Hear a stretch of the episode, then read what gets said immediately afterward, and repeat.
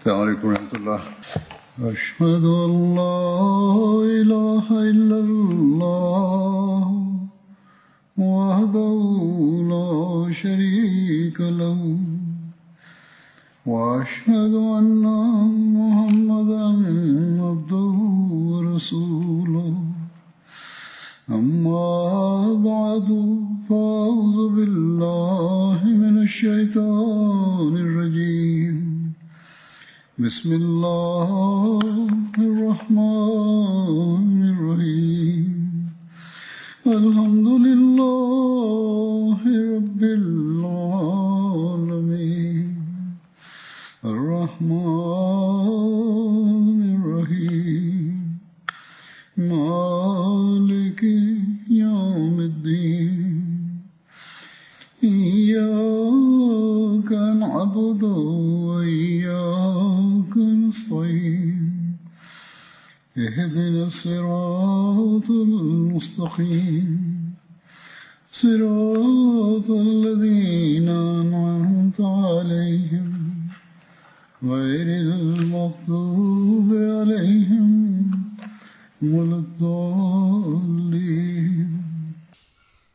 2022ခုနှစ်ဖေဖော်ဝါရီလ17ရက်နေ့မှာ Hazrat Amirul Mu'minin Khalifatul Masih Al-Khamis Ayyadahullah Ta'ala bin Nasr Aziz ပစ္စမခလီဖာသခင်ကြီးကပြည်တိန်နိုင်ငံအစ္စလာမာဘတ်တယ်ဖိုရှိမူဘာရက်ဘလီဝေကျောင်းမှာဂျမာခွတ်ဘာမကြားခဲ့ပါတယ်။အဲဒီခွတ်ဘာမှာခလီဖာသခင်ကြီးကယခင်ပတ်စဉ်တင်ပြလျက်ရှိတဲ့ဂုလ်ဖာရာရှီဒီန် တမန်တော်ကြီးဆလလောလဟ်အလัยဟ်ရဲ့ခလီဖာကြီး၄ပါးတဲ့က Hazrat Abu Bakr Siddiq ရဒီအလာဟူအန်ဟူတခင်ရဲ့အကြောင်းကိုဆက်လက်မကြားတင်ပြခဲ့ပါတယ်။ခလီဖာသခင်ကြီးမိန့်ကြားတော်မူသည်မှာမကာမြို့ကိုအောင်နိုင်သိမ့်ပိုက်ခြင်းအကြောင်းနဲ့ပတ်သက်ပြီးအဘူဘကာသခင်ရဲ့အိမ်မက်တစ်ခုအကြောင်းကိုတမိုင်းဆင့်ပြန်ချက်တွေမှာဖော်ပြထားတာတွေ့ရပါတယ်။ဆင့်ပြန်ချက်လာရှိပါတယ်။ အဘူဘကာသခင်ကတမန်တော်မြတ်ဆလလောလဟ်အလัยဟ်ထံတွင်မိမိမြင်မှတ်သောအိမ်မက်ကိုလျှောက်ထားတင်ပြသည်မှာအိုးလိုက်တမန်တော်မြတ်ကျွန်တော်မျိုးသည်အိမ်မက်ထဲတွင် ကိုရောမြတ်ဆလလောလဟ်အလัยဟ်နှင့်အတူကျွန်တော်မျိုးကမကာနှင့်နီးကပ်သောနေရာသို့ရောက်ရှိနေပြီးထိုချိန်တွင် ခွေးမတကောင်ကဟောင်လျက်ကျွန်တော်မျိုးတို့ထံသို့လာနေသည်ကိုမြင်ရပါသည်ကျွန်တော်မျိုးတို့၏အနီးသို့ထိုခွေးမကရောက်လာသောအခါလှဲအိတ်လိုက်ပါသည် ထိုအခါထိုခွေးမကိုကျွန်တော်မျိုးကနိုးတိုက်ပါသည်ဟု၍မြင်မှတ်ပါသည်တမန်တော်မြတ်ကယင်းအိမ်မက်၏သဘောမှာအသင့်ထံလာရန်ရှိသောအန်ဒီရဲ့ဇိုးကဝေးကွာသွားပြီးအကျိုးမြတ်နှင့်ကောင်းခြင်းကနီးကပ်လာပါပြီလူတို့သည်အသင်နှင့်ဆွေမျိုးတော်ဆက်ခြင်းနီးစပ်ခြင်းကိုအကြောင်းပြုလျက်အသင့်ထံတွင်ခိုလုံလာကြလိမ့်မည်အသင်သည်လူတို့နှင့်အချို့သူများနှင့်တွေ့ဆုံရလိမ့်မည်တို့ဖြစ်ရာအသင်သည်အဘူဆူဖီယန်နှင့်တွေ့ဆုံရလျင် သူ့ကိုမတတ်ပါနှင့်ဟု မိန့်တော်မူလေသည်ထို့သောဖြင့်မွတ်စလင်တို့ကအဘူဆူဖီယန်နှင့်ဟကင်းဘင်ဟီဇမ်ကိုမရိုဇိုရမ်လွင်ပြင်၌တွေ့ဆုံလေ၏အစ်ဘ်နေဥကဘာကဆင့်ပြန်ပါတယ်အဘူဆူဖီယန်နှင့်ဟကင်းဘင်ဟီဇမ်ကမကာသို့ပြန်သွားနေချိန်တွင်အဘတ်တခင်ကတမန်တော်မြတ်ဆလလောလဟ်အလัยဟ်ထံ၌အိုလိုက်တမန်တော်မြတ်အဘူဆူဖီယန်မွတ်စလင်ဖြစ်လာတာကိုကျွန်တော်မျိုးတန်တရားရှိပါသည် ထို့ကြောင့်အဘူဆူဖီယန်သည် အစ္စလာမ်ကိုသိရှိနားလည်ပြီး ကိုရိုနှင့်အတူ အလိုက်စစ်တပ်ကို မြင်တွေ့သည့်အထိ သူ့အား မဒီနာ၌သာ ဟန်တားထားတော်မူပါဟု လျှောက်ထားလေသည် ဒီကြောင့်နဲ့ပတ်သက်ပြီး အခြားဆင့်ပြန်ချက်တစ်ခု လာရှိပါတယ် အစ်ဘနေအဘီရှိုင်ဘာက ဆင့်ပြန်ခြင်းဖြစ်ပါတယ် အဘူဆူဖီယန်က မကာသို့ ပြန်လည်ထွက်ခွာသောအခါ အဘူဘကာတခင်က တမန်တော်မြတ်ဆလ္လာလဟ်အလိုင်းထံ၌အိုးလိုက်တမန်တော်မြတ်ကိုရောမြတ်ကအဘူဆူဖီယန်ကို မကာသို့မပြန်စေရန်လမ်းခုလက်မှတင် တားဆီးဟန်တားရန်အမိန့်ထုတ်တော်မူပါဟုလျှောက်ထားလေသည်နောက်ထပ်ဆင့်ပြန်ချက်တစ်ခုမှလာရှိပါတယ်အစ်ဘနေအစ်ဟာကဆင့်ပြန်ပါတယ်အဘူဆူဖီယန်ကမကာသို့ပြန်သောအခါတမန်တော်မြတ်ဆလ္လာလဟ်အလိုင်းကအဘတ်တခင်အားအဘူဆူဖီယန်ကိုဂျိုင်ဝမ်လွင်ပြင်တစ်ခုအနီးမှာတားဆီးထားလိုက်ပါဟုမိန့်တော်မူသောကြောင့် အဘတ်တခင်ကအဘူဆူဖီယန်၏နောက်မှလိုက်သွားပြီးတားဆီးဟန်တားလိုက်သည်ထိုအခါအဘူဆူဖီယန်ကအိုဘနီဟာရှင်အသင်တို့ကကျွန်ုပ်ကိုလှည့်စားခြင်းလောဟုမေးလျင်အဘတ်တခင်ကနဗီတမန်တော်နှင့်သူ၏နောက်လိုက်တို့မိသည်လှည့်စားလိန်ညာယိုးထုံးစံမရှိကြထို့ကြောင့်အသင်သည်အလာကမုရှရစ်တို့အားတိုက်ခိုက်ရန်အတွက်ဖွဲ့စည်းပြင်ဆင်ထားသောစစ်တပ်ကိုမြင်ရဖို့နနက်ချိန်တိုင်အောင်စောင့်ဆိုင်ပါလေဟုဖြေကြားလေသည် ထို့သောဖြင့်အဘတ်တခင်ကအဘူဆူဖီယန်ကိုထိုဂျိုင်ဝမ်လွင်ပြင်တွင်နနက်ချိန်ထိတိုင်တားဆီးဟန်တားထားလေသည်အစ္စလမ်စစ်တပ်ကမိမိရဲ့မျက်စိရှိကနေဖျက်ဆီးသွားတာကိုအဘူဆူဖီယန်ကမြင်ရတဲ့အခါဘယ်လိုခံစားချက်ဖြစ်ခဲ့ပါသလဲဒီအကြောင်းကိုဖော်ပြလျက်ဇူဘလုလ်ဟူဒါဝလ်အစ်ရှာဒ်ကျမ်းမှာခုလိုရေးသားထားပါတယ် အဘူဆူဖီယန်၏ရှေ့မှတမန်တော်မြတ်ဆလ္လာလဟ်အလိုင်းမူဟာဂျီရ်နှင့်အန်ဆာရီတို့ပေါင်းဆက်ထားသောအလွန်ကြီးမားသည့်စစ်တပ်ကြီးကပေါ်လာသည်၎င်းတို့ကအလံကြီးအလံငယ်များကို ကိုစီကင်ဆောင်၍ခြိတက်လာကြသည်အန်ဆာရီတို့ထဲကလူမျိုးစုခေါင်းဆောင်တိုင်းကအလံကြီးတစ်ခုစီကင်ထားကြပြီးထိုအလံများ၏ရိုးရန်ကိုတန်ဖြစ်ပြုတ်လုထားခြင်းဖြစ်သည်သူတို့ကိုယ်တိုင်လည်းတန်ဖြစ်လုသောချက်ဝတ်တစားများကိုဝစ်ဆင်ထားကြရာမျက်လုံးကိုသာမြင်ရသည် အစ္စလမ်စစ်တပ်ထဲ၌တခါတခါတွင်အိုမာသခင်၏ကျဲလောင်သောအတန်ကိုကြားရတတ်သည်အိုမာသခင်ကရှေ့ဆုံးမှတွားသောအုပ်စုနှင့်နောက်ဆုံးမှလိုက်သောအုပ်စုတို့ပေါင်းစည်းမိစေရန်ဖြည်းဖြည်းချင်းရှောက်လန်းကြပါဟုအော်ဟစ်ပြောဆိုနေခြင်းဖြစ်သည်ထိုစစ်တပ်ထဲတွင်ချက်ဝတ်တစားဝစ်ဆင်ထားသောစစ်သည်ပေါင်းတထောင်ပါဝင်သည်ဟု၏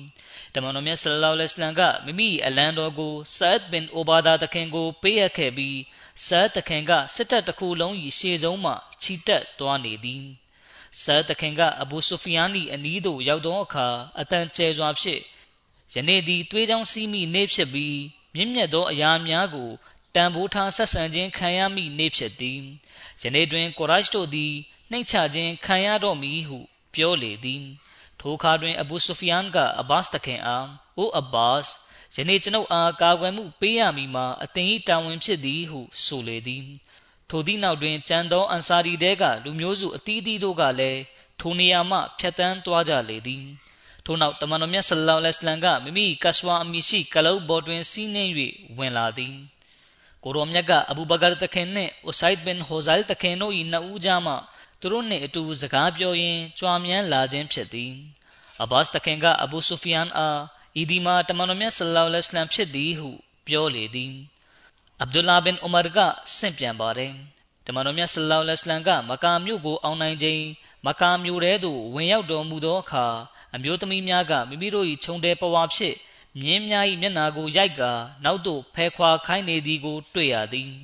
ထိုမြင်ကွင်းကိုမြင်သောအခါတမန်တော်မြတ်ဆလ္လာလဟ်အလัยဟိဝါစလမ်ကပြုံးရတော်မူလျက်အဘူဘကာတခင်ဘတ်သို့ကြည့်ပြီးအိုအဘူဘကာဟဆန်ဘင်ဆာဘစ်က မိတို့ကဗျာဆက်ဆိုထားပါသည်နည်းဟုမိန့်ကြားလျင်အဘူဘကာတခင်ကဟဆန်ဘင်ဆာဘစ်တခင်၏ကဗျာကိုရွတ်ဖတ်ပြလေသည်အဒမ်တူဘနိုင်ယတီအလမ်တရောဟာတူစီရွန်နကာမူအာဟီဒူဟာကိဒါအနာဒီနလ်အအင်နတာမုစရီဟတ်အီလတ်တီမူဟွန်နာဘီလ်ခုမရန်နီဆာအတင်ဒီကီဒါတောင်ပေါ်မှဖုံအလိမ့်လိမ့်ထသည့်အထိ ခြိတက်လာမိစစ်တပ်ကို မမြင်ခဲ့ပါလင်မိမိချစ်လှစွာသောသမီးငယ်ကို ပျောက်ရှပါစေထိုစစ်သည်တို့စီးနှင်းလာသောစစ်မြင်းများ၌ဇက်ကြိုးများတက်ဆင်ထားသည်အမျိုးသမီးတို့ကထိုမြင်းများ၏မျက်နာကိုမိမိတို့၏ပဝါဖြစ်ရိုက်လျက်နောက်သို့ဆုတ်ခိုင်းနေသည်ထိုအခါတွင်တမန်တော်မြတ်ဆလ္လာလဟ်အလัยဟိဝါစလမ်ကဟဆန်ဘင်ဆာဘစ်တခင်၏ကြပြားတွင်ပါသောကီဒါတောင်ပေါ်မှ မကာမြို့ထဲသို့ဝင်ရောက်ကြကုန်ဟုမိန့်တော်မူလေသည် ကီဒါဆိုတာကအာဖတ်ရဲ့နောက်တစ်မျိုးနာမည်ဖြစ်ပါတယ်အဲ့ဒါကတောင်ပေါ်လမ်းဖြစ်ပြီးမကာမြို့ပြင်ကနေမကာမြို့ထဲသို့ဝင်ရောက်ရာလမ်းဖြစ်ပါတယ်မကာမြို့ကိုအောင်နိုင်သိမ့်ပိုက်စဉ်ကတမန်တော်မြတ်ဆလ္လာလဟ်အလိုင်းဟာအဲ့ဒီတောင်ပေါ်လမ်းကနေပဲမကာမြို့ထဲသို့ဝင်ရောက်တော်မူခဲ့ခြင်းဖြစ်ပါတယ်မကာမြို့ကိုအောင်နိုင်ချိန်မှာတမန်တော်မြတ်ဆလ္လာလဟ်အလိုင်းကရန်သူတွေကိုလုံခြုံငြိမ်းချမ်းမှုပေးမယ်လို့ကြေညာတဲ့အခါ အဘူဘကာတခင်ကတမန်တော်မြတ်ဆလ္လာလဟ်အလိုင်းကိုအိုလိုက်တမန်တော်မြတ်အဘူဆူဖီယန်ဒီကောင်းခြင်းကိုလိုလားနှစ်သက်ပါသည်ဆိုပြီးလျှောက်ထားပါတယ်ဒီအခါတမန်တော်မြတ်ဆလ္လာလဟ်အလိုင်းကမိသူမဆိုးအဘူဆူဖီယန်၏အိမ်၌ဝင်ရောက်ခိုးလုံသည်ဆိုလျှင်ထိုသူသည်လုံခြုံငြိမ်းချမ်းမှုကိုရရှိလိမ့်မည်ဆိုပြီးကြေညာခဲ့ပါတယ်တမန်တော်မြတ်ကဟူဘူလ်ယုတ်တုကိုဖြိုချဖို့အမိန်ပေးတာကြောင့်အဲ့ဒီယုတ်တုကိုဖြိုချခဲ့ပါတယ် ရုပ်တုကိုဖြိုချစဉ်တမန်တော်မြတ်ကအဲ့ဒီရုပ်တုအနီးမှာရပ်နေပါတယ်အဲ့ဒီချိန်ခါမှာဆူဘိုင်ဘင်အဝမ်တခင်ကအဘူဆူဖီယန်အားအိုအဘူဆူဖီယန်ဟဟိုဘုလ်ရုတ်တုကိုဖြိုချလိုက်ပြီးအဟုတ်စပွဲတုံးကအတင်းဒီထိုရုတ်တုနှင့်ဆက်လင်းပြီးအလွန်ဂုံယူဝင်ကြွားလျက်ပြောဆိုနေခဲ့သည်မဟုတ်လောထိုရုတ်တုကအသင်တို့အားဆုလက်ချီးမြှင့်ခဲ့သည်ဟုအသင်ကြွေးကြော်ခဲ့သည်မဟုတ်လောဆိုပြီးပြောတဲ့အခါအဘူဆူဖီယန်က အိုအဝါမီတာပြီးခဲ့တာတွေထားလိုက်ပါတော့အကြောင်းမူမုဟမ္မဒ်ဆလ္လာလဟ်အလိုင်းဖျားသခင်ပြင်အခြားဖျားရှိသေးသည်ဆိုလျှင်ယနေ့ဖြစ်ပျက်သောကိစ္စတို့မှာ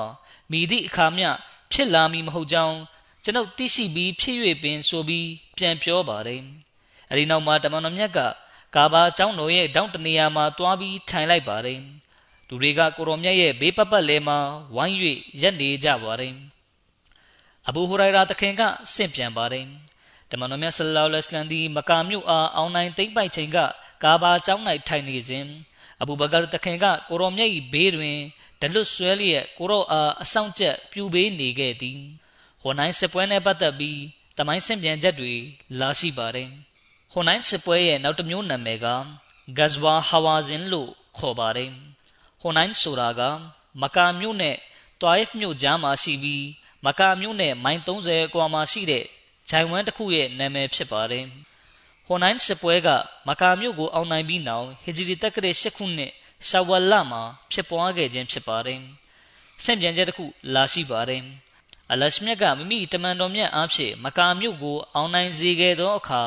ဟဝါဇင်လူမျိုးစု၏ခေါင်းဆောင်များနှင့်ဘနုစကီဖ်လူမျိုးစုတို့ကတွေ့ဆုံဆွေးနွေးကြပြီးမိမိတို့ကိုလည်းတမန်တော်မြတ်ကဝင်ရောက်တိုက်ခိုက်မိကို ကြောက်ရွံ့နေကြသည်။မာလစ်ဘင်အော့ဖ်နစရီကအရဗ်လူမျိုးနွယ်စုအသီးသီးကိုစုယုံလိုက်ရာသူထံသို့ဟဝါဇင်လူမျိုးစုဘနူစကီဖ်လူမျိုးစုဘနူနဆာလူမျိုးစုဘနူဂျူရှမ်လူမျိုးစုဆာဒ်ဘင်ဘကာနဲ့ဘနူဟီလာလူမျိုးစုမှလူတချို့တို့ကရောက်ရှိလာကြသည်၎င်းတို့အားလုံးစုယုံလျက်အောက်သားအရက်တွင် စုစည်းကြသည်အောက်သားဆိုတာက ဟိုနိုင်အရက်နီးမှာရှိတဲ့တွင်ပြင်တစ်ခုဖြစ်ပါတယ်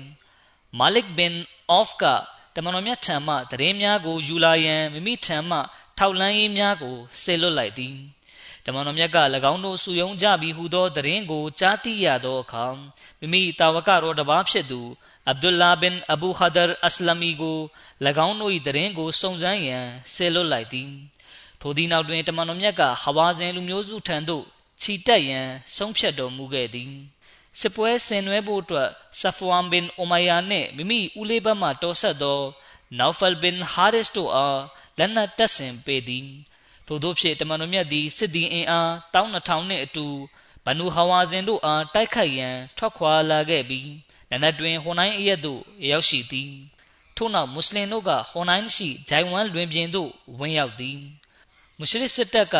မူလကပင်ထိုဂျိုင်ဝမ်တွင် ပုံအောင်နေကြပြီးဖြစ်ရာ၎င်းတို့ကမွတ်စလင်တို့အားရုတ်တရက်တိုက်ခိုက်ကြလေသည်ရန်သူတွေကမြားများဖြင့်တရဇက်ပစ်ခတ်ကြသောကြောင့်မွတ်စလင်တို့လည်းလှည့်၍ထွက်ပြေးကြရပြီးဟိုဟိုဒီဒီပြန်ကျဲကုန်ကြသည်ထို့သောဖြင့်တမန်တော်မြတ်၏အနီးတွင်တာဝကတော်အနှဲငယ်သာကြံရစ်တော်သည်ထိုကြံရစ်ခဲ့သောတာဝကတော်အနှဲငယ်နှင့်အဘူဘကာတခင်လည်းအပါဝင်ဖြစ်သည်အဘူအစ်ဟာကဆင့်ပြန်ပါတယ် လူတယောက်ကဗရာထံသို့ရောက်ရှိလာပြီးအသင်တို့သည်ဟွန်နိုင်စပွဲတုန်းကထွက်ပြေးသွားခဲ့ကြသည်မဟုတ်လောဟုပြော၏ထိုအခါဗရာကကျွန်ုပ်သည်တမန်တော်မြတ်နှင့်ဆက်လင်းပြီးကိုရောကလှဲ့၍ထွက်ပြေးခဲ့ခြင်းမရှိကြောင်းတသက်ခံပါသည်တို့ရာတွင် အလင်းလိုစိတ်ဆိုးတတ်သောလက်နက်မဲ့သူများကဟဝါဇင်လူမျိုးစုတို့ထံတွားရောက်ခဲ့ရာဘနူဟဝါဇင်တို့ကမြားတက်အလွန်ကျွမ်းကျင်ကြသောကြောင့်မြားများဖြင့်မယမနာပြစ်ခတ်ကြ၍ မိမိတို့တက်ဆွဲထားသောနေရာကိုစွန့်ပြီးထွက်ပြေးသွားရခြင်းသာဖြစ်သည်ဟု ပြောလေသည်ထို့သောအကဲဆက်သည့်အခြေအနေမျိုးတွင်မဟာဂျီများနှင့်အဘူဘကာတခင်နှင့်အိုမာတခင်တို့ကတမန်တော်မြတ်ဆလ္လာလဟ်အလိုင်းနှင့်အတူအခြေခိုင်မာစွာယက်တည်ခဲ့ကြသည်ထို့ပြင်ကိုရောမြတ်၏ဆွေမျိုးသားချင်းများအနက်မှအလီတခင်အဘာစ်တခင်အဘူဆူဖီယန်ဘင်ဟာရစ်အဘူဆူဖီယန်ဤတာဖဒူလ်ဘင်အဘူဆူဖီယန်ရဘီယာဘင်ဟာရစ်နှင့် အိုဆာမာဘင်ဇိုက်စသူတို့ကလည်းတမန်တော်မြတ်ဆလ္လာလဟ်အလိုင်းနှင့်အတူအခြေခိုင်စွာယက်တည်ခဲ့ကြသည်အဘူကတာဒါတခင်ကဆင့်ပြန်ပါသည်ဟိုနိုင်စပွဲကာလတုန်းကကျွန်ုပ်ဒီမွတ်စလင်တို့အနက်မှလူတစ်ယောက်ကိုတွေ့သည်ထိုမွတ်စလင်ကမုရှရစ်တဦးနှင့်တိုက်ခိုက်လျက်ရှိသည်နောက်တစ်ယောက်မုရှရစ်ကထိုမွတ်စလင်၏အနောက်ဘက်စီမှထိုမွတ်စလင်အားတိတ်တဆိတ်တိုက်ခိုက်ရန်ချင်းကပ်လာသည်ကိုမြင်ရသည် ထို့ကြောင့်ကျွန်ုပ်ကအလင်းမြန်ပင်အနောက်ဘက်မှချင်းကပ်လာသည့်ထိုမုရှရစ်ထံသို့လှမ်းသွားရာ၎င်းကကျွန်ုပ်အားဓားဖြင့်ခုတ်ပိုင်းရန်လက်ရွယ်သည်နှင့်ကျွန်ုပ်ကသူ၏လက်ကိုဓားဖြင့်ခုတ်ပိုင်းချလိုက်၍သူ၏လက်ပြတ်သွားခဲ့သည်ကြံလက်တစ်ဖက်ဖြင့်၎င်းကကျွန်ုပ်အားအတင်းဆွဲဖက်၍လဲချလိုက်ရာကျွန်ုပ်လဲကျသွားသည်သို့သော၎င်းကဒဏ်ရာပြင်းထန်စွာရနေပြီဖြစ်ရာကျွန်ုပ်အားကြာကြာတောင့်ခံထားနိုင်ခြင်းမရှိသောကြောင့်ကျွန်ုပ်ကသူ့အားခြေဖြင့်ကန်လိုက်ပြီးနောက် ဓားဖြင့်ခုတ်တက်လိုက်သည်တစ်ဖက်တွင်မွတ်စလင်တို့ကရှုံးနေလျက်ထွက်ပြေးသွားကြရာကျွန်ုပ်ကလည်းသူတို့နှင့်အတူထွက်ပြေးလာခဲ့သည်ထိုသည့်နောက်တွင်မွတ်စလင်တွေအားလုံးကထွက်ပြေးရာမှပြန်လှည့်လာကြပြီး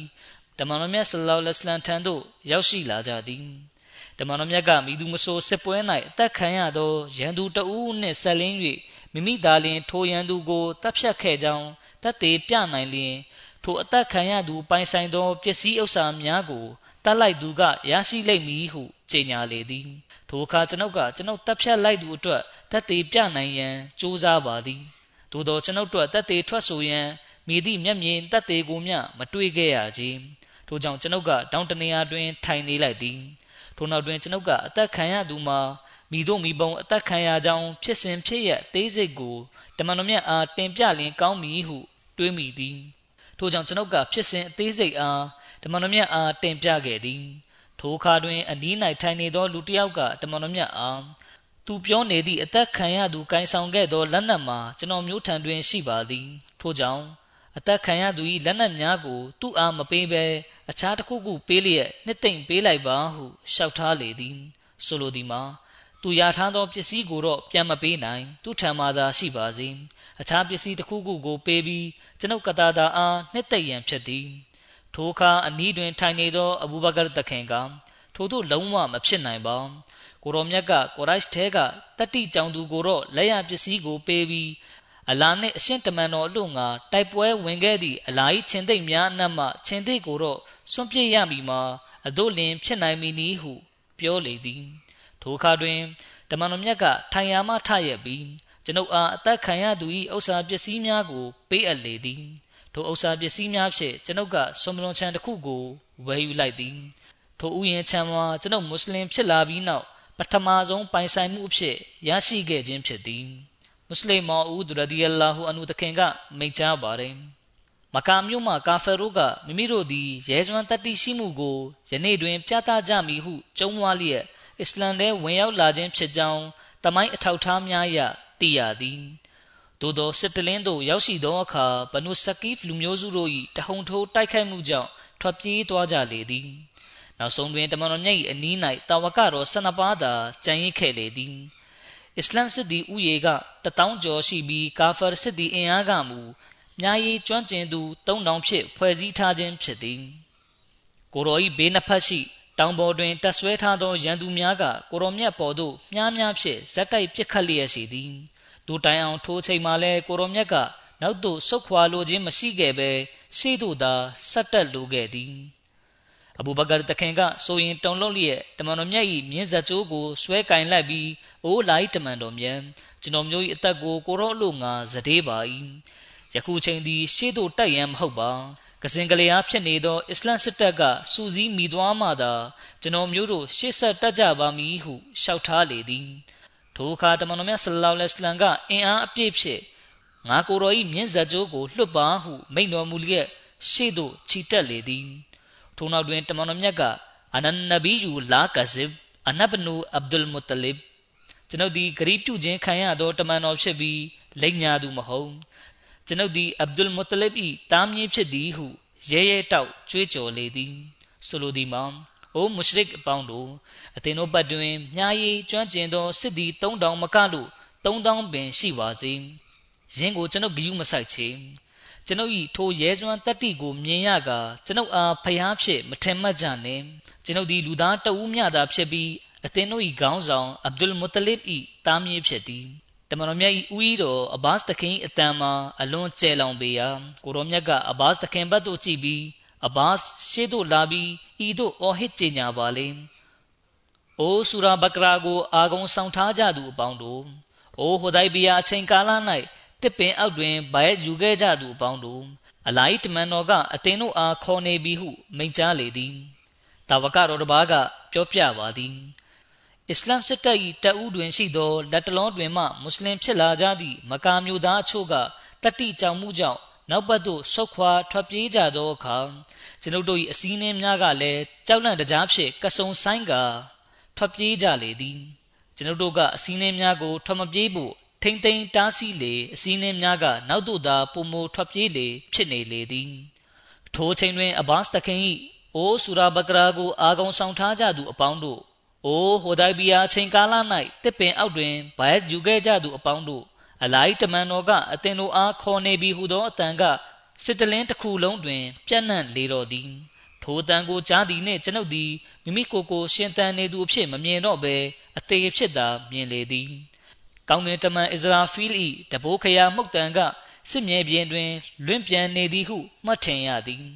ကျွန်ုပ်ကမိမိကလုတ်ဇကြိုးကိုအရှိန်ပြင်းစွာဆွဲလိုက်လျာ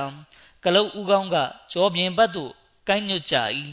သို့သောကလုတ်ကအလွန်ကြောက်နေသောကြောင့်ကျွန်ုပ်ကဇကြိုးကိုလွတ်လိုက်သည်နှင့်နောက်သို့သာဆုတ်ပြေးလေသည်ထိုအခါတွင်ကျွန်ုပ်ပါဝင်တာဝကတော်များစွာတို့ကတအိမ်ထဲမှဓာကိုထုတ်လိုက်ကြပြီးတာဝကအတော်များများကကလုတ်ပေါ်မှခုံဆင်းကြကအချို့တာဝကတော်များကထိမရဖြစ်နေသည့်မိမိတို့၏ကလုတ်ဇက်ကိုခုတ်ပိုင်းကြပြီးဓမ္မတော်မြတ်ဆလောလ္လဟ်အလัยဟိရှိရာဘတ်သို့အပြေးနှင်ကြလေသည် အချိန်နှဲငယ်တွင်မှပင် မကာဘတ်သို့အယူမူပြေးသွားနေကြသောတာဝကတော်စစ်သည်တထောင်တို့သည်ဓမ္မတော်မြတ်၏အနီးတွင်စုယုံလာကြလေသည်ထို့နောက်ခဏကြာမှပင် တောင်ပေါ်သို့တက်လျက်ရန်သူတို့အားအစိတ်စိတ်မွားမွားပြုကြလေသည်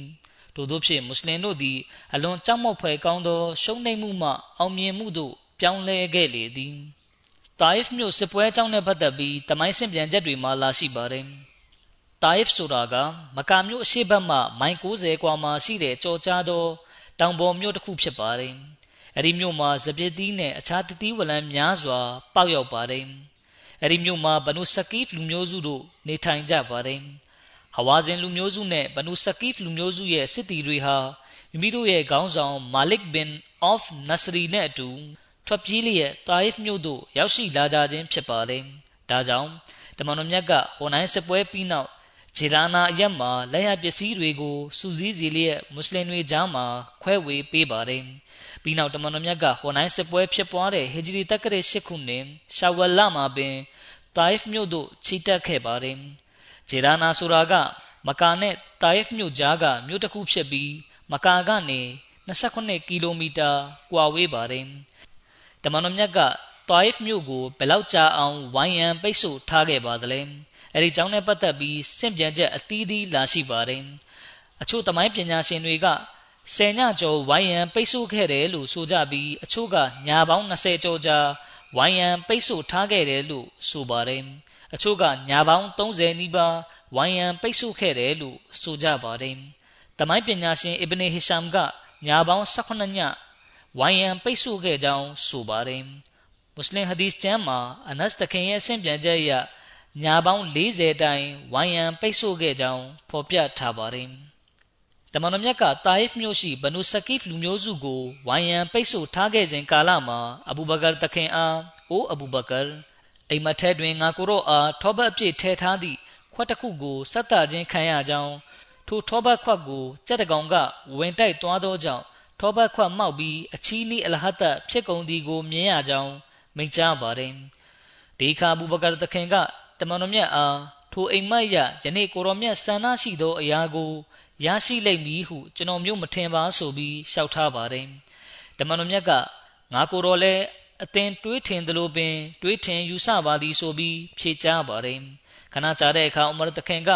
တာအစ်ကိုဝိုင်းရန်ထားခြင်းမှပြန်လဲဆုတ်ခွာရန်ကြီးညာလိုက်ရမလားဆိုပြီးမေးမြန်းတဲ့အခါတမန်တော်မြတ်ကကြီးညာခွင့်ပြုလိုက်တာကြောင့် အိုမာတခင်ကလည်းမဒီနာသို့ပြန်ကြရန်ကြေညာခဲ့ပါတယ်။တဘုတ်စစ်ပွဲကဟီဂျရီတက္ကရာ9ခုနှစ်ရဂျပ်လမှာဖြစ်ပွားခဲ့ခြင်းဖြစ်ပါတယ်။တဘုတ်ဆိုတာကမဒီနာမြို့မှစီးရီးယားဘက်သို့တွားတဲ့ကုံတယ်ခရီးသွားအုပ်စုတို့တွားနေကြလမ်းထပ်မှာရှိတဲ့မြို့တစ်ခုဖြစ်ပြီးကူရာလွင်ပြင်နဲ့စီးရီးယားကြားမှာရှိတဲ့မြို့ဖြစ်ပါတယ်။တဘုတ်ကိုအစဟာဘူလ်အိုင်ကာမြို့လို့လည်းခေါ်ပါတယ်။အဲဒီမြို့မှာ တမန်တော်ရှွိုင်ဘ်အလိုင်စလမ်ပွင့်ပေါ်ခဲ့ပါတယ်အဘူဘကာတခင်ကတဘုတ်စစ်ပွဲမှာတမန်တော်မြတ်ဆလ္လာလဟ်အလိုင်နဲ့အတူရှိခဲ့ပါတယ်တမန်တော်မြတ်ကတဘုတ်စစ်ပွဲမှာအစ္စလမ်အလံတော်ကိုအဘူဘကာတခင်အားပေးအပ်ခဲ့ပါတယ်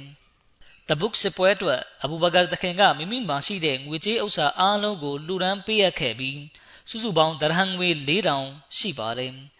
တမန်တော်မြတ်ကတာဝကတော်တွေကိုတဘုတ်စစ်ပွဲအတွက်စည်ရေးပြင်ဆင်ကြဖို့လမ်းညွှန်မိန့်မာတဲ့အခါတပြိုင်တည်းကိုရောကမကာနဲ့အခြားအရဗ်မျိုးနွယ်စုတွေထံသို့လည်းစည်ရေးပြင်ဆင်ကြဖို့မိမိနဲ့အတူလိုက်ပါဖို့တရင်ပို့စေခဲ့ပါတယ်။ဒီလိုကြောင့်တမန်တော်မြတ်ကချမ်းသာကြွယ်ဝသူတွေကိုအလလန်းမှာငွေချေးဥစ္စာလူဒန်းကြဖို့နဲ့အစည်းနှင်းတွေကိုစီစဉ်ကြဖို့လမ်းညွှန်တော်မူပါတယ်။ကိုရောမြတ်ကစစ်ပွဲအတွက်အင်တိုက်အားတိုက်ကူညီကြဖို့လမ်းညွှန်တာကိုထောက်ရှုလျက် တာဝကတော်တွေကဒီစစ်ပွဲဟာတမန်တော်မြတ်အတွက်နောက်ဆုံးစစ်ပွဲဖြစ်နိုင်တယ်ဆိုတာကိုသဘောပေါက်ခဲ့ကြပါတယ်။ဒီအခွင့်အခါအတွက်ပထမဆုံးမိမိပိုင်ဥစ္စာပစ္စည်းကိုယူဆောင်လာသူကတော့အဘူဘကာဆစ်ဒီကရဒီအလာဟူအန်ဟူတခင်ပဲဖြစ်ပါတယ်။အဘူဘကာတခင်ကမိမိအိမ်မှာရှိသမျှဥစ္စာပစ္စည်းအားလုံးကိုယူဆောင်လာခဲ့ပါတယ်။တခင်ယူဆောင်လာတဲ့ငွေကစုစုပေါင်းဒရဟန်ငွေ4000ရှိပါတယ်။တမန်တော်မြတ်ကအဘူဘကာတခင်အား အိမ်သားများအတွက်ဘာထားခဲ့တယ်လဲဆိုပြီးမေးတဲ့အခါအဘူဘကာတခင်ကအိမ်သားများအတွက်အလာနှင့်အရှင်တမန်တော်ကိုထားရခဲ့ပါသည်ဆိုပြီးဖြေပါတယ်။အိုမာဘင်ခတာဘ်တခင်ကမိမိအိမ်မှာရှိတဲ့ဥစ္စာပစ္စည်းရဲ့တဝက်ကိုယူလာခဲ့ပါတယ်။တမန်တော်မြတ်ကအိုမာတခင်ကိုအိမ်သားများအတွက်ရောတစုံတရာထားရခဲ့ပါသလားဆိုပြီးမေးတဲ့အခါအိုမာတခင်ကအိမ်သားများအတွက်ဥစ္စာပစ္စည်းတဝက်ကိုထားခဲ့ပါသည်ဆိုပြီးဖြေပါတယ်။ အဲ့ဒီခွင့်ခါမှာအဗ်ဒူရာမန်ဘင်အော့ဖ်တခင်ကတရားအောက်ကီယာလှူဒန်းခဲ့ပါတယ်။တရားအောက်ကီယာကတရဟံငွေ4000နဲ့ညီမျှပါတယ်။ပြီးနောက်တမန်တော်မြတ်ကဥစမန်ဘင်အဖန်နဲ့အဗ်ဒူရာမန်ဘင်အော့ဖ်တီအလရှမြတ်ပိုင်သောယရနာတိုင်များအနက်မှဖြစ်သည်ဆိုပြီးမိန့်ကြားတော်မူပါတယ်ဆိုလိုတာကသူတို့ဟာအလရှမြတ်ရဲ့ကျင့်တဲ့တက်တော်မူခြင်းအတွက်လှူဒန်းတာကြောင့်ငွေကြေးဥစ္စာများစွာကိုလှူဒန်းခဲ့တဲ့သဘောပဲဖြစ်ပါတယ် ဒါပြင်အမျိုးသမီးတွေကလည်းမိတို့ပိုင်လက်ဝတ်ယရနာတွေကိုလှူဒန်းခဲ့ကြပါတယ်အာဆန်ဘင်အဒီတခင်ကဆွမ်လွန်သည့်အချိန်တဒန်းကျော်ကိုလှူဒန်းခဲ့ပါတယ်ဇိုက်ဘင်အစလမ်ကမိမိဖခင်ထံမှဆင့်ပြန်ပါတယ်ကျွန်ုပ်ဒီအိုမာတခင်ဤသို့မိန့်ကြားသည်ကိုကြားသိခဲ့ရသည်တမန်တော်မြတ်ကငါတို့အားအလူဒါနပြုကြရန်လမ်းညွှန်၏ထိုချိန်ကငါထံတွင်ငွေကြေးဥစ္စာရှိသောကြောင့်ယနေ့တော်ငါသည်အဘူဘကာထက်တာအောင်ပြုမည်ဟု စိတ်ပိုင်းဖြတ်လိုက်သည်ငါကငါပိုင်ဆိုင်သောဥစ္စာပစ္စည်းများမှတဝက်ကိုယူလာပြီးတမန်တော်မြတ်ထံတွင်ပေးအပ်သည်ထိုအခါတမန်တော်မြတ်ကငါအားအသင်အိမ်သားများအတွက်ဘာများထားခဲ့ပါသနည်းဟုမေးလျင်ကျွန်တော်မျိုးပိုင်ဥစ္စာပစ္စည်းတစ်ဝက်ကိုထားခဲ့ပါသည်ဟုဖြေ၏အဘူဘကာတခင်ကမူမိမိအိမ်တွင်ရှိသမျှသောဥစ္စာပစ္စည်းများကိုယူဆောင်လာခဲ့သည် တမန်တော်မြတ်ကအဘူဘကာတခင်အားအိမ်သားများအတွက်ဘာထားခဲ့သနည်းဟုမေးရာအဘူဘကာတခင်ကအလာနှင့်အရှင်တမန်တော်ကိုထားခဲ့ပါသည်ဟု ဖြေလေသည်ထိုအခါတွင်ငါကကျွန်ုပ်သည်မိသည့်အခါမိသည့်နေရာတွင်မျှအဘူဘကာတခင်ထက်တာလွန်နိုင်မည်မဟုတ်ကြောင်းအလန့်အားကျိန်ဆိုပြီးပြောပါသည်ဟု စိတ်တွင် ရေရွတ်မိလေသည်မစီမောဒလိုင်စလန်တခင်ကမိန့်ကြားတော်မူပါတယ် တချိန်ကမွတ်စလင်တို့သည်အလရှမိတ်သာသနာတော်အလို့ငါမိမိတို့၏အသက်များကိုစိတ်များတိုးများတပွဲဆွန့်လွတ်ဇရေခဲ့ကြသည်ငွေချေဥစ္စာလူရန်မှုဟူသည်ကပြောဖို့ပင်မလိုပေအဘူဘကာတခင်ဆိုလျင်တစ်ချိန်နှစ်ချိန်မျှမဟုတ်အချိန်များစွာမိမိအိမ်တွင်ရှိသမျှသောဥစ္စာပစ္စည်းများကို သာသနာတော်လို့ငါလှူဒန်းသုံးဆွဲခဲ့သည်အဘယ်များဟုမူတခင်သည်အတချောင်းကိုပင်အိမ်၌ချမ်းမထားခဲ့ကြ ထိုနည်းတူဥမာတခင်နှင့်ဥစမန်တခင်တို့ကလည်းမိမိတို့တဆွမ်းသလောက်လှူဒန်းခဲ့ကြပြီးကြံတာဝကတော်များကလည်းမိမိတို့အဆင့်နှင့်တတ်နိုင်စွမ်းအားလျော်စွာအသက်နှင့်စီစဉ်ဥစ္စာကိုအလာဤသာသနာတော်လို့ငါလူရန်သုံးဆွဲရန်အသင့်ဖြစ်ခဲ့ကြသည်ကျွန်ုပ်ထံတွင်ဗိုက်ယူထားသူများကမိမိတို့သည်ဘာသာရေးကို လောကီရေးထက်ဦးစားပေးပါမည်ဟုဂရိတစ္ဆာပြုထားကြတော်လဲ သာသနာတော်အတွက်အလူဒါနပြုရန်လိုအပ်လာသောအခါမိမိတို့၏အိတ်ကပ်ကိုစေးနှဲမှုဖြင့်ဖိကတ်ထားကြပြီးလှူဒန်းမှုမပြုကြကြထို့သောလောကီအားချက်သောစိတ်ကိုရင်ဝယ်ပိုက်လျက်သာသနာရေးရည်ရွယ်ချက်ကို အောင်မြင်ပေါက်မြောက်နိုင်ပါမည်လောထို့သောသောသူများသည်တစုံတရာအကျိုးရှိသူများဖြစ်နိုင်ပါမည်လောလုံးဝဖြစ်နိုင်မည်မဟုတ်လုံးဝဖြစ်နိုင်မည်မဟုတ်ပါကြီးအလရှမြတ်မိန့်ကြားတော်မူသည်မှာ လန်တနာလုလ်ဘစ်ရာဟတ်တာတွန်ဖီကူမင်မာတူဟစ်ဘွန်အသင်တို့သည်မိမိတို့ချစ်ခင်စုံမတ်သောအရာများနှံ့မှစွန်ကျဲတုံးဆွဲမှုမပြုသေးသည်များကောင်းမှုကိုအလင်းရရှိနိုင်ကြမည်မဟုတ်ချေအသင်တို့မိသည့်အရာကိုပင်တုံးဆွဲသည်ဖြစ်စေအမှန်ပင်အလားသည်ယင်းကို ကောင်းစွာသိရှိတော်မူ၏ဂျမ်မြတ်ကုရ်အန်3ချိုး93 ဒီနောက်အဘူဘကာတခင်ကတမန်တော်မြတ်ဆလ္လာလဟ်အလိုင်းနဲ့အတူတာဝကတော်တစ်ပါးကိုမြုပ်နှံပေးခြင်းအကြောင်းကိုတင်ပြပါမယ်ဒီအကြောင်းကိုအဗ်ဒူလာဘင်မဆူဒ်ကဆင့်ပြန်ထားခြင်းဖြစ်ပါတယ်ကျွန်ုပ်ဒီတဘုတ်စပွဲတွင်တမန်တော်မြတ်နှင့်အတူပါဝင်ခဲ့သည်တညတွင်ကျွန်ုပ်ကတကောင်းချိန်နိုးထလာပြီးစစ်တပ်၏ဇရဲချရာတစ်ဖက်တွင်မီးလင်းနေသည်ကိုတွေ့ရ၏ထို့ကြောင့်ကျွန်ုပ်ကထိုမီးရှိရာဘက်သို့တွားရောက်ပြီးကြည်သည် ထိုအခါတမန်တော်မြတ်အဘူဘကာတခင်နှင့်အိုမာတခင်တို့ကို တွေ့ရလေသည်အဗ်ဒူလာဇူလ်ဘီဂျာဒိုင်ကွယ်လွန်သွားသောကြောင့်သူ၏ယုတ်ကလတ်အားမြုပ်နှံပေးခြင်းဖြစ်သည်သူအားမြုပ်နှံရန်ကျင်းတူးပြီးဖြစ်ကာတမန်တော်မြတ်ကကျင်းထဲသို့ဆင်းပြီးအဘူဘကာတခင်နှင့်အိုမာတခင်တို့ကယုတ်ကလတ်ကိုကိုရော့ထံသို့ခြာပေးနေသည်တမန်တော်မြတ်ကအသင်တို့နှစ်ဦးမိမိတို့ညီနောင်၏ရုပ်ကလပ်ကိုငါကိုရောထံသို့တိုးပေးပါဟုမိန့်တော်မူရာထိုတာဝကတော်နှစ်ပါးကလည်း အဗ်ဒူလာဇူလ်ဘီဂျာဒိုင်း၏ရုပ်ကလပ်ကို တိုးပေးလေသည်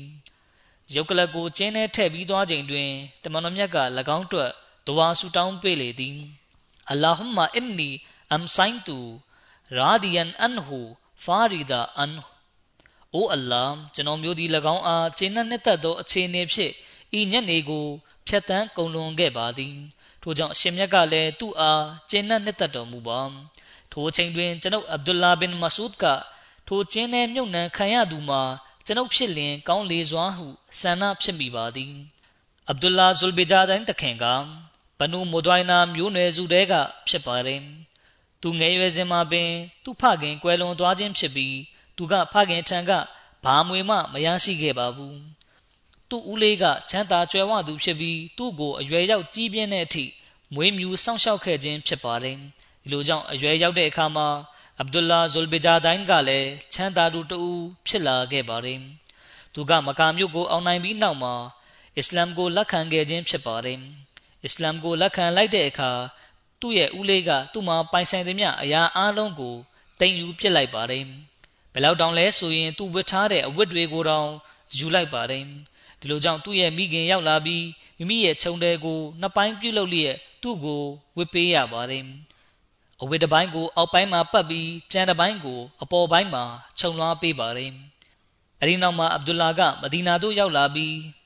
မစဂျစ်နဘူီမှာလဲလျောင်းအိတ်ဆက်လိုက်ပါတယ်နနက်လင်းတဲ့အခါတမန်တော်မြတ်နဲ့အတူဖဂျာနမတ်ဝတ်ပြုပါတယ်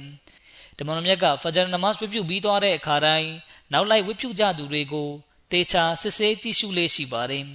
ဒီကာတမန်တော်မြတ်ကအဗ်ဒူလာကိုကြည့်ပြီးတစိမ့်တူလို့ထင်မှတ်သွားပါတယ်ဒီလိုကြောင့်ကိုရောက သူ့ကိုတင်ဘသူလဲဆိုပြီးမေးပါတယ်အဗ်ဒူလာကလည်းမိမိမိသူမိဝါဖြစ်ကြောင်းဘယ်မျိုးနွယ်တွေကဖြစ်ကြောင်းပြောပြပါတယ်ဆင့်ပြန်ချက်တစ်ခုမှလာရှိပါတယ်တမန်တော်မြတ်ကအဗ်ဒူလာရဲ့နာမည်ကိုမေးတဲ့အခါအဗ်ဒူလာကကျွန်တော်မျိုးနာမည်ကအဗ်ဒุลအဇာဖြစ်ပါတယ်လို့ဖြေပါတယ်ဒီခါတမန်တော်မြတ်ကယနေ့ကစပြီးအသင့်နာမည်ကိုအဗ်ဒุลလာဇุလ်ဘီဂျာဒိုင်အလာဟီအစေတော်လူသား ခြုံတဲ့နှစ်ခုပိုင်ရှင်ဟုမှဲ့လိုက်ပြီးဆိုပြီးမိန့်တော်မူပါတယ်ဒီနောက်တမန်တော်မြတ်ကအသင်ငါကိုတော့အနီးမှာပဲနေပါဆိုပြီးမိန့်ကြားပါတယ်အဲ့ဒီချိန်ကစပြီးသူကတမန်တော်မြတ်ရဲ့အနီးပါးမှာနေခွင့်ရတဲ့သူတွေတဲကတဦးဖြစ်လာခဲ့ပါတယ်တမန်တော်မြတ်ကသူ့ကိုကျမ်းမြတ်ကုရ်အန်သင်ကြားပေးပါတယ်ဒီလိုနဲ့သူဟာကျမ်းမြတ်ကုရ်အန်အစိပ်ပိုင်းများစွာကိုအာဂုံဆောင်နိုင်ခဲ့ပါတယ်ပြီးတော့သူကအတန်ဩဇာကောင်းပြီး ကြီးသောအတန်ကိုပိုင်ဆိုင်ထားသူလည်းဖြစ်ပါတယ်အဘူဘကာတခင်ကဟတ်ပြုတဲ့အခွင့်အခါမှာဦးစီးကောင်းဆောင်ဖြစ်တာဝန်ယူလျက်တွားရောက်ခြင်းအကြောင်းနဲ့ပတ်သက်ပြီးတင်ပြပါမယ်တမန်တော်မြတ်ကဟဂျရီတက္ကရာ6ခုနှစ်မှာအဘူဘကာတခင်ကိုဟာဂျ်ပြုသူတွေရဲ့ခေါင်းဆောင်ဖြစ်ခန့်အပ်လျက်မကာတို့ဆေလွတ်ခဲ့ပါတယ်။တမန်တော်မြတ်ကတဘုတ်စပွဲကနေပြန်လာတဲ့အခါဟာဂျ်ပြုလုပ်ရန်ရည်ရွယ်ပါတယ်။လူတွေကကိုရောမြတ်အား မုရှရစ်တို့သည်မွတ်စလင်တို့နှင့်ရောပြီးဟတ်ပြုကြကြောင်းသူတို့ဟတ်ပြုလျင်ရှေခ်ဆန်သောစကလုံးများကိုအသုံးပြုပြီးဟတ်ပြုကြကြောင်းကာဘာကျောင်းတော်ကိုဝိလစ်စလစ်ဖြင့်တဝါပြုကြကြောင်းတင်ပြကြပါတယ်။အအဲ့ဒီစကားတွေကိုကြားပြီးတမန်တော်မြတ်ကအဲ့ဒီနှစ်မှာဟတ်ပြုမယ်ဆိုတဲ့ရည်ရွယ်ချက်ကိုဖျက်ပစ်လိုက်ကအဘူဘကာတခင်ကိုဟတ်ပြုသူတွေရဲ့ခေါင်းဆောင်ဖြစ်ခန့်အလျက်မကာတို့ဆစ်လွတ်လိုက်ပါတယ် အဘူဘကာတခင်ကတာဝကတို့အပား300နဲ့အတူမဒီနာမှထွက်ခွာလာခဲ့ပါတယ်တမန်တော်မြတ်ကအဘူဘကာတခင်နဲ့အတူကုရ်ဘာနီသားကောင်20ကိုထည့်ပေးလိုက်ပြီးအဲ့ဒီသားကောင်တကောင်ချင်းစီရဲ့လယ်ပင်မှာကုရ်ဘာနီသားကောင်အမတ်သားဖြစ်လယ်ဇွဲတွေကိုတမန်တော်မြတ်ကိုယ်တိုင်ဆွဲပေးခဲ့ပါတယ်အဘူဘကာတခင်ကလည်းမိမိကိုယ်ပိုင်ကုရ်ဘာနီသားကောင်9ကောင်ကိုပါမကာတို့တဘာရီယူဆောင်သွားခဲ့ပါတယ် အဘူဂျာဖာမိုဟမ္မဒ်ဘင်အလီကဆင့်ပြန်ပါတယ်တမန်တော်မြတ်ဆလ္လာလဟ်အလိုင်းထံသို့ဆူရာတောက်ဘာကြားရောက်လာသောအချိန်တွင်တမန်တော်မြတ်ကအဘူဘကာတခင်ကိုဟတ်ပြုရသောခေါင်းဆောင်ဖြစ်ခန့်အလျက်မကာတို့ဆေလွတ်ပြီးဖြစ်သည်ထိုအခါလူတို့ကတမန်တော်မြတ်အားအိုးလိုက်တမန်တော်မြတ်ထိုဆူရာကိုဟတ်တွင်အဘူဘကာတခင်ဖတ်ရအောင် ပို့ပေးလျင်ကောင်းပါမည်ဟုလျှောက်ထားရာတမန်တော်မြတ်ကငါကိုယ်တော်၏အိမ်သူအိမ်သားများအနက် တဦးတယောက်မှအပထိုတောင်ဝင်ကိုမိသူမြထမ်းဆောင်နိုင်မည်မဟုတ်ချေဟုမိန့်တော်မူလျက်အလီတခင်ကိုဆင့်ခေါ်လိုက်သည်ပြီးနောက်တမန်တော်မြတ်ကအလီတခင်အားဆူရာတောက်ပါ၏အစာပိုင်းတွင်ဖော်ပြထားသောအာယတ်တော်များကိုမကာတို့ယူသွားလျက်ကုရ်ဘာနီပြုသောနေ့၌လူတို့သည်မီနာရက်တွင်ဆူယုံကြသောအခါမိသည့်မယုံကြည်တွေးဖီသူမြဂျနတ်သို့ဝင်ရောက်နိုင်မည်မဟုတ်ကြောင်းယခုနှစ်ပြီးနောက်ဘယ်တော်အခါမျှမုရှရစ်တို့သည်ဟတ်ပြုရတော့မည်မဟုတ်ကြောင်း မိသူမြဝိလစ်ဆလစ်ဖြစ်ဘိုက်တူလာကိုတဝါပြုခွင့်ပေးတော်မည်မဟုတ်ကြောင်း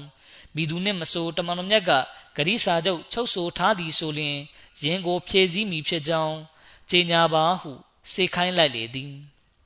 ထို့သောဖြစ်အလီသခင်ကတမန်တော်မြတ်၏ကဆွာမီရှိကလုတ်ကိုစီးနှင်းလျက်မကာတို့ထွက်ခွာလာလေသည်မကာနှင့်မဒီနာတွားရာလမ်းပေါ်က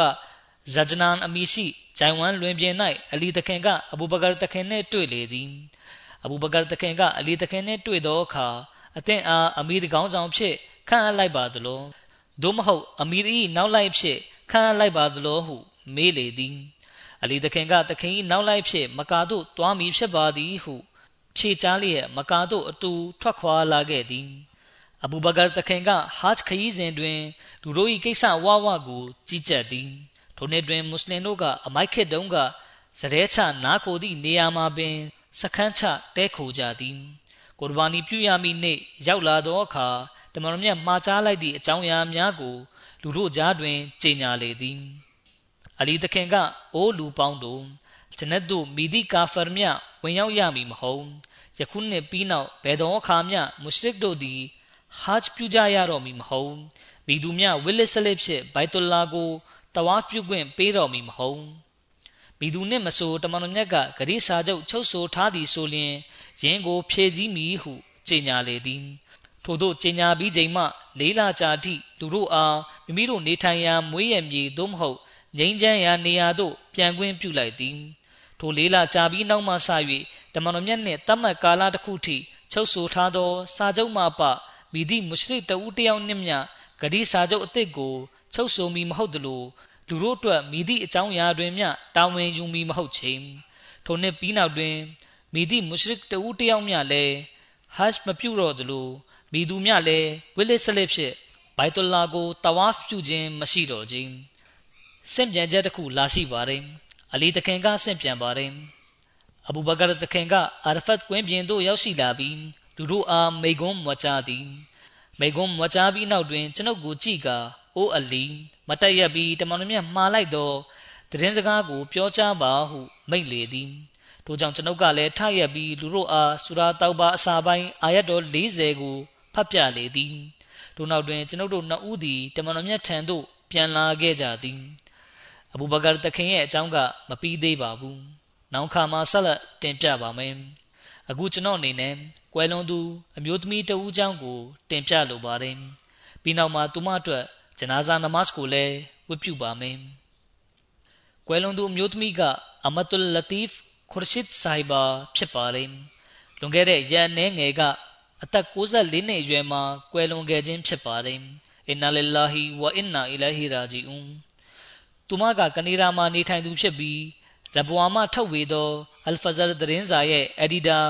ရှိတ်ခွရရှစ်အာမတ်ဆာဟစ်ရဲ့ဇနီးဖြစ်ပါတယ်အလရှမဲဖဇလ်ကျေးဇူးတော်ဖြစ်သူမက မူစီဝစီယတ်ပြုလုပ်ထားသူတူဖြစ်ပါတယ်။သူမကမစီမောဒလိုင်စလမ်တခင်ရဲ့တာဝကတော်ဟဇရတ်မီယန်ဖဇလ်မိုဟမ္မဒ်ဆာဟစ်ရဲ့တာရောဘက်ကတော်ဆက်တဲ့မြေတော်ဖြစ်ပြီးနောက်တဦးတာဝကတော်ဖြစ်တဲ့ဟဇရတ်ဟကီမ်အလာဘက်ဆာဟစ်ရဲ့တမီးဘက်ကတော်ဆက်တဲ့မြေတော်လည်းဖြစ်ပါတယ်။ဒါပြင်ကာဒီယမ်မမီယန်အဗ်ဒူရဟီမ်ဒရဝေ့ရှ်ရဲ့တမီးကြီးလည်းဖြစ်ပါတယ်။သူမမှာသားသုံးဦးနဲ့တမီးနှစ်ဦးကျန်ရစ်ခဲ့ပါတယ်။ သူမရဲ့မြေတွေတဲကတဦးဖြစ်သူဝကာစ်ခွရရှစ်ဆာဟစ်ကအမေရိကန်နိုင်ငံမှာမိုဘလစ်သာသနာပြုဖြစ်တာဝန်ထမ်းဆောင်နေပါတယ်။သူမတို့မိသားစုဝင်အားလုံးဟာပညာတတ်တွေကြီးပဲဖြစ်ပါတယ်။သူမကအခမ်းကဏ္ဍအသီးသီးကနေဂါဒီယန်ရဘဝနဲ့ကနေဒါစတဲ့နေရာတွေမှာဂျမတ်ကိုအလုပ်ကျွေးပြုခဲ့သူဖြစ်ပါတယ်။သူမကမိမိရဲ့သားသမီးတွေကိုဘသူမဆိုခလာဖတ်နဲ့ဂျမတ်ကိုဆန့်ကျင်ပြီးပြောလာတဲ့ဆိုရင် လုံးဝနားမထောင်ရဘူး။ မတော်တဆကြားမိတယ်ဆိုရင်လည်းချက်ချင်းခေါင်းထဲကထုတ်ပစ်လိုက်ရမှာဖြစ်တယ်လို့အမြဲတမ်းတွင်တင်ဆုံးမလေးရှိပါတယ်။သူမဟာလူမှုဆက်ဆံရေးမှာအလွန်ကောင်းမွန်ပြီးပညာပြည့်ဝတဲ့အမျိုးသမီးဖြစ်တာကြောင့်သူမရဲ့မိသားစုကနေဒါသို့ဟစ်ဂျရတ်လုပ်တဲ့အခါမှာလဲသူမကများစွာကူညီပေးခဲ့ပါတယ်။သူမကခလာဖတ်ကိုအလွန်ချစ်မြတ်နိုးတာကြောင့်မိမိရဲ့သားသမီးတွေကိုခလီဖာသခင်အတွက်ဒဝါဆူတောင်းဖို့အမြဲတမ်းတွင်တင်ဆုံးမတတ်ပါတယ်။ သူမဟာကလေးများစွာကိုကျမ်းမြတ်ကုရ်အန်အားထံကတိုင်းကြစွာဖတ်တတ်ဖို့သင်ကြားပေးခဲ့သူလည်းဖြစ်ပါတယ်။မကြာခဏဆိုသလိုသူမကမျိုးဆက်သစ်တွေကိုဂျမတ်ရဲ့တမိုင်းကြောင်းတွေကိုပြောပြလေးရှိတတ်ပါတယ်။အနောက်နိုင်ငံမှာနေထိုင်တဲ့ကစားမိမိတို့ရဲ့အီမန်ယုံကြည်မှုကိုဘယ်လိုထိမ့်သိမ်းရမယ်ဆိုတဲ့အကြောင်းသူမကမိမိရဲ့သားသမီးမြင့်မြင့်တွေကိုတွင်တင်ပေးပါတယ်။အနောက်နိုင်ငံမှာနေပြီးမိမိတို့ရဲ့ယုံကြည်မှုကို ဘယ်လိုထိမ့်သိမ်းရမယ်ဆိုတာနဲ့ပတ်သက်ပြီးသူမကိုယ်တိုင်ကအတူယူပွဲစံနမူနာပြရောက်တစ်ခုဖြစ်ပါတယ်။အလရှမြဒီကွယ်လွန်သူအားမဂ်ဖီရတ်တနာကျင်နာတော်မူလျက်ခွင့်လွှတ်ချမ်းသာပြုတော်မူပါစေ။သူမရဲ့နာဝင်ညပိုင်းဆိုင်ရာစံတန်းကိုလည်းမြင့်တင်ပေးတော်မူပါစေ။ကျင်းသူမိသားစုဝင်တွေကိုလည်းကြမ်းကြမ်းခံလျက်ရက်တီနိုင်စွမ်းပေးသနာတော်မူပါစေ။ကြံရစ်ခဲ့တဲ့သားသမီးတွေမြင်းမြစ်တွေကိုလည်းသူတို့တိုင်း ကောင်းမှုပွားများအားထုတ်နိုင်စွမ်းပေးသနာတော်မူပါစေ။အာမင်။ الحمد لله الحمد لله نحمده ونستعينه ونستغفره ونؤمن به ونتوكل عليه ونعوذ بالله من شرور أنفسنا ومن سيئات أعمالنا من يهده الله فلا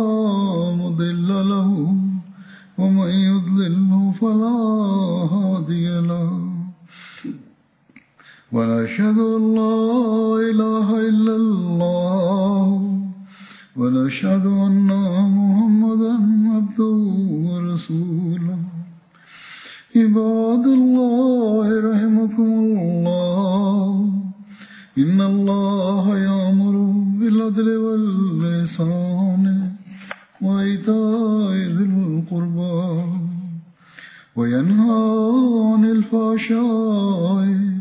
والمنكر والبغي يعظكم لعلكم تذكرون. اذكروا الله يذكركم وذوه يستجب لكم ولذكر الله أكبر.